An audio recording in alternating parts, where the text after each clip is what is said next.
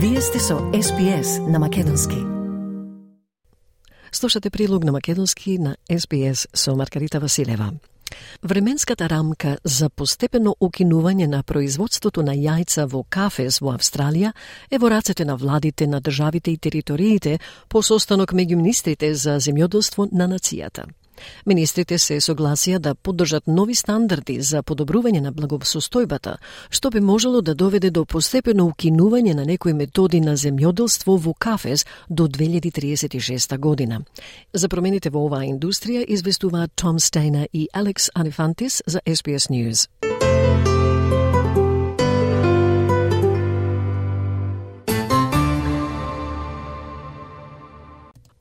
Брайан Ахмед е втора генерација фармер на јајца и работи во Уераби, Викторија.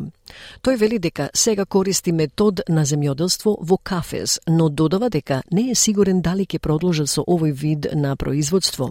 Тој смета дека одстранувањето на кафезите нема да значи подобрување на благосостојбата на животните. One uh, area that we're not 100% sure on is whether we're going to continue in caged egg production and Uh, the one thing I do know 100% for sure is if we get rid of cages, that doesn't necessarily mean that we're going to have improved animal welfare. Дизајниран за производство со голем обем и достапност, господинот Ахмед вели дека практиката, изведена правилно, го намалува ширењето на болеста и помага да се следи квалитетот на храната.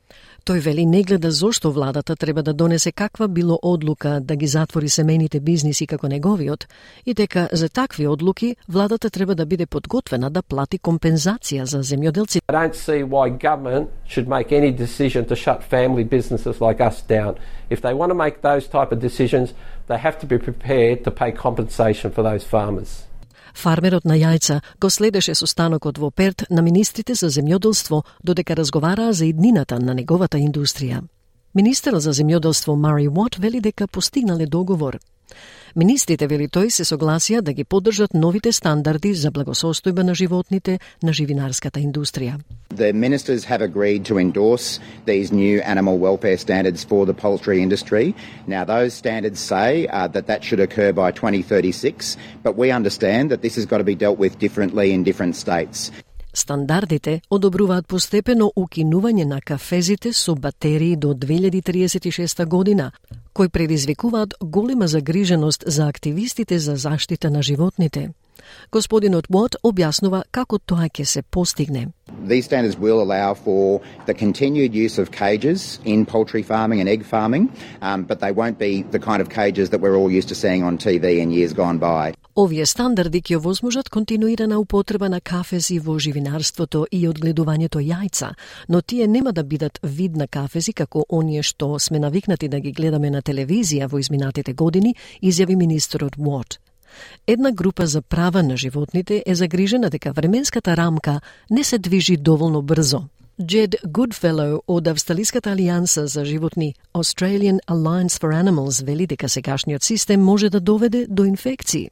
Системот на батеријски кафез, вели тој, води до највисоки стапки на остеопороза, што значи кршливи коски, доведува до највисоки стапки на заболување на замастен црн дроб и највисоки стапки на кршење на коските кога птиците се одстранувани од кафезите, што е навистина суров облик на земјоделството, вели Джед Гудфеллоу. The battery cage system, uh, that system leads to the highest rates of disuse osteoporosis, so brittle bones. It leads to the highest rates of fatty liver disease and the highest rates of bone breakage at depopulation when the birds are removed from the cages. So it's a really cruel uh, form of farming.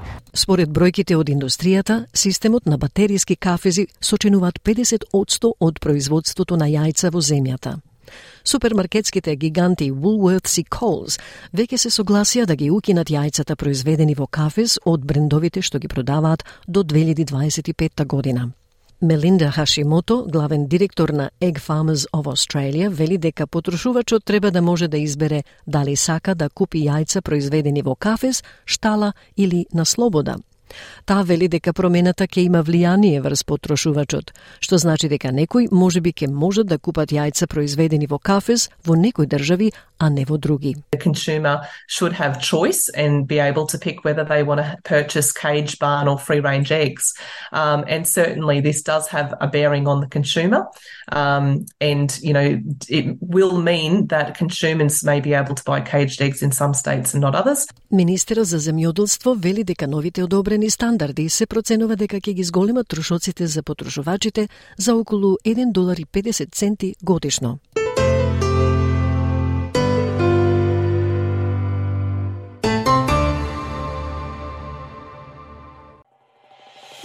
Сакате ли да чуете повеќе прилози како овој? Слушате подкаст преку Apple Podcasts, Google Podcasts, Spotify или од каде и да ги добивате вашите подкасти.